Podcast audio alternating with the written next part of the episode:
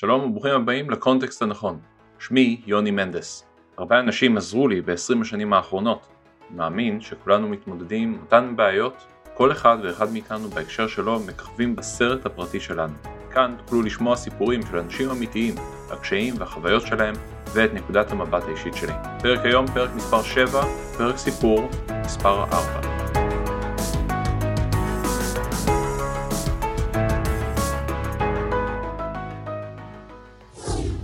הנושא היום הוא איך לקבל משוב ומה הן השאלות הנכונות לשאול.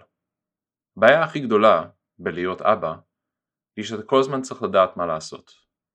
הציפייה, התחושה לפחות של הציפייה היא שתדע מה התשובה הנכונה, שתדע מה לעשות בכל רגע נתון, גם מכיוון הילד וגם מכיוון כל מי שסובב אותך. זה המון לחץ. זה מתיש להצטרך לדעת כל הזמן את התשובה הנכונה. זה כמו להיות במבחן פסיכומטרי שלא נגמר אף פעם רק כשמישהו מגיע לגיל 18 והולך סוף סוף לבקו"ם. בתור אבות אנחנו מוצאים כל מיני דרכים להתמודד עם הבעיה הזאת, אבל בתור אנשים עובדים אנחנו לא יכולים להתחבא מאחורי הצורך הזה לתת תשובות, אנחנו צריכים להיות קצת יותר מתוחכמים. דן הוא תוכניתן ג'אווה עם 6 שנות ניסיון בגיל 31. נכנס לתפקיד Tech Lead לפני כחצי שנה בחברה גדולה ובהתחלה קיבל המון חיזוקים חיוביים.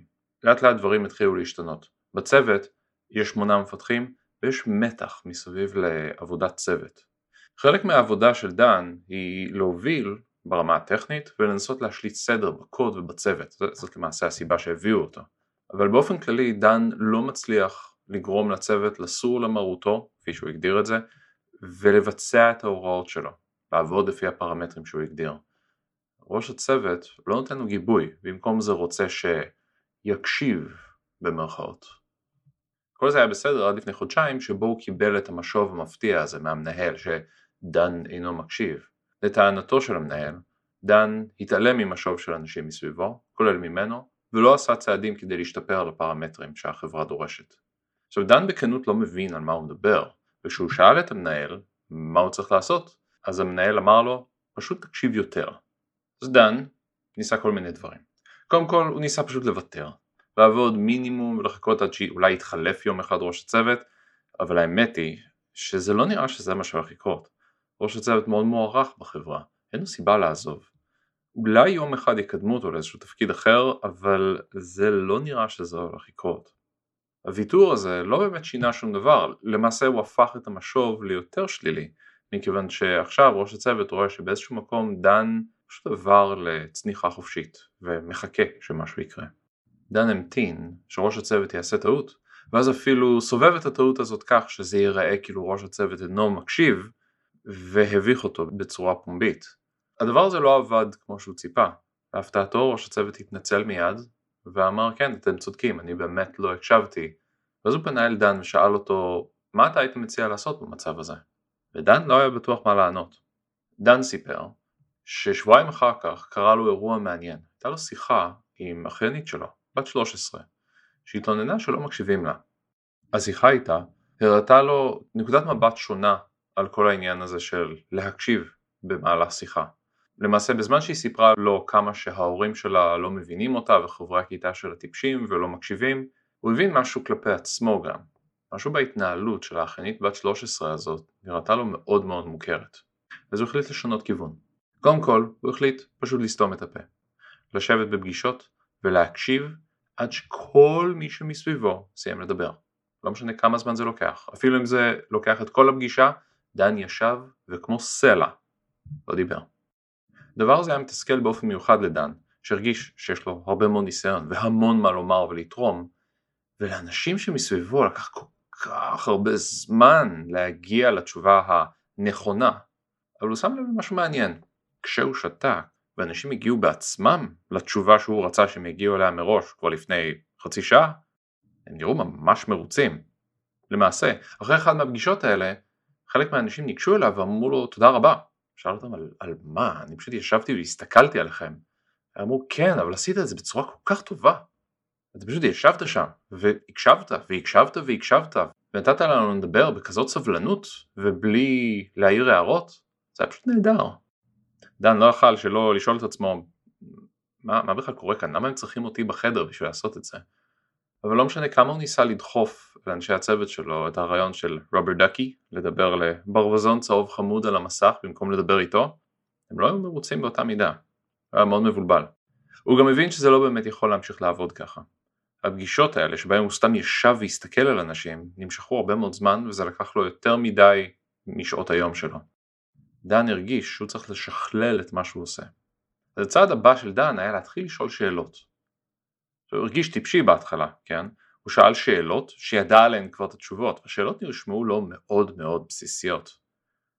אבל באיזשהו שלב השיחה פתאום התחילה לזרום לכיוון שהוא רצה, פשוט בגלל השאלה שלו. שאלות שביצעו פיבוט לחשיבה, הפנו את השיחה לכיוון אחר לחלוטין, שפתאום הציפה את התשובה הנכונה יותר או פחות, אבל לפחות זה היה בכיוון הנכון.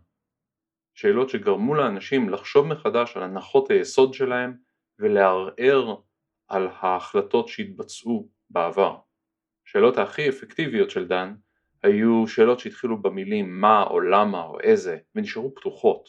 בעצם בקשה לספר סיפור. התשובות על השאלות האלה גרמו לאנשים בחדר, גם האנשים שעונים את התשובה, להרהר מחדש בכל מה שנעשה מקודם, ואולי אפילו לערער על ההחלטות שהם עצמם ביצעו, ולהסתכל על הבעיה באור חדש, או מכיוון אחר. חלק מהשיחות גם הלכו לכל הרוחות, כלומר השאלות שלו הציפו איזשהו נושא אחר לגמרי, ואז השיחה פשוט התבדרה. אבל בחלקן יצאו דברים מאוד מעניינים, ואפילו פעם או פעמיים שבהם חשבו על רעיון יותר טוב מהרעיון שהוא עצמו חשב עליו. חוויה מאוד מעניינת. תהליך שדן עבר הוא התפתחות מקצועית. כלומר, הוא התחיל ממקום שבו התנהל בצורה נוקשה, סט מאוד מאוד מוגדר של חוקים שלא היה מוכן לוותר עליהם, ולאט לאט התחיל להגמיש את עצמו, יותר ויותר ויותר, עד שהוא התחיל לקבל תוצאות יותר טובות ממה שציפה להם. התהליך הזה מאוד דומה לתהליך הגדילה של ילדים. אם אנחנו מסתכלים על ילד שלומד משהו חדש, הוא בהתחלה מגיע ריק. אנחנו צריכים להגדיר לו איזשהם חוקים נוקשים לפיהם להתחיל לעבוד, או לדוגמה אותיות. אבל ככל שאנחנו נותנים לו יותר ויותר כלים, ושואלים את הילד יותר שאלות, אנחנו מסוגלים להתחיל להראות לו איך להשתמש בכלים האלה בצורה מאוד עצמאית. עכשיו עובדים בחברות הייטק הם לא ילדים, אבל תהליך הלמידה הוא לא כזה שונה, וילדים הם בסופו של דבר המראה הטובה ביותר שיש לנו בשביל עצמנו. הם לומדים מאיתנו את מה שהם עושים, והם עושים את זה ללא מושא פנים ובלי שום עכבות, ככה שאם אנחנו רוצים לראות את מה שנהדר ולא טוב אצלנו, אנחנו רק צריכים להסתכל על הילדים שלנו. הם יספרו לנו את כל מה שיש לדעת. התהליך הזה שתמצתתי בעשר דקות לקח לדן בערך שנה וחצי.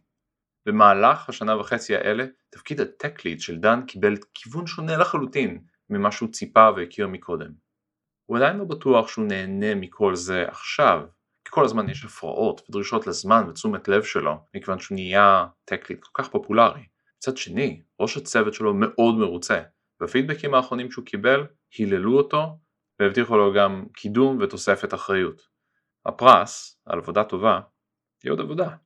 אנשי צוות. תפקיד הטק ליד הוא תפקיד מאוד מוזר ומיוחד.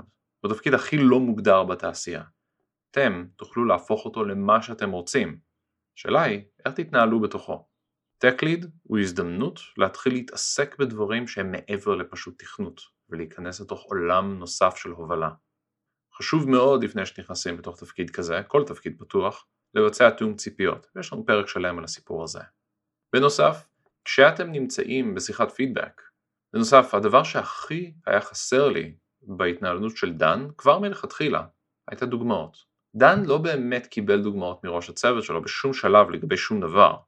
גם לא לגבי המצב הזה שבו הוא לכאורה לא מקשיב לאנשים. זה שראש הצוות צדק, לא אומר שהוא יכול לבסס את כל התיאוריה שלו פשוט על התחושה שלו.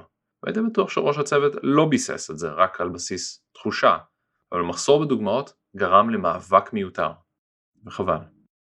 ראשי צוות, השתמשו בהאצלה, אבל תמיד תנו גיבוי ותנו גיבוי פומבי.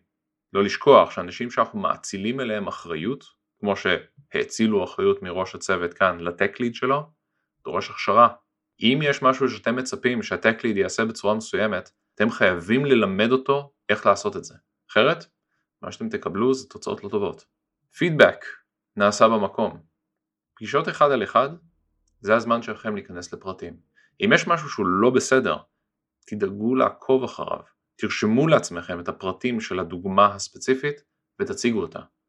לתת למישהו פידבק בלי דוגמאות? זה לא הוגן, זה לא נותן לו לתקן שום דבר, רק להרגיש רע עם עצמו. זהו זה, תודה רבה לדן ששיתף את הסיפור. אם יש לכם סיפור דומה שהסתיים אחרת או שאולי הגעתם בו לתובנות אחרות, ספרו לי אותו. אני גם רוצה לדעת וגם תהיה הזדמנות לספר סיפור נוסף. יש לכם רעיונות לנושאים שאתם רוצים לשמוע עליהם? ספרו לי גם אותם, יכול להיות שאני אוכל למצוא מישהו שיש לו סיפור מתאים לנושא הזה. אם יש לכם שאלות או שאתם סתם רוצים לדבר, הצטרפו אליי וצרו איתי קשר בפייסבוק, עמוד הקונטקסט הנכון או באימייל right.context.podcast@gmail.com. תודה רבה לעורך שלי, אברי מיוזיק. תמצאו אותו בפייבר והוא יעשה לכם יופי של פודקאסט. הסיפור מוגש בדיוק כמו שקיבלתי אותו. אני לא בדקתי עובדות ולא הצלבתי מידע. הסיפור הזה הוא אישי והרעיונות שניסינו עבדו או לא עבדו בקונטקסט הנכון. ייתכן שהם לא יעבדו בשבילכם בקונטקסט אחר. אם אהבתם תנו בהמלצות לחברים, אנחנו נמצאים גם ב App Store, אז תנו לי שם חמש כוכבים. ספרו למשפחות שלכם ולפחות לחתול ביצות אחד. תודה על ההאזנה, ניפגש בפעם הבאה בקונטקסט הנכון.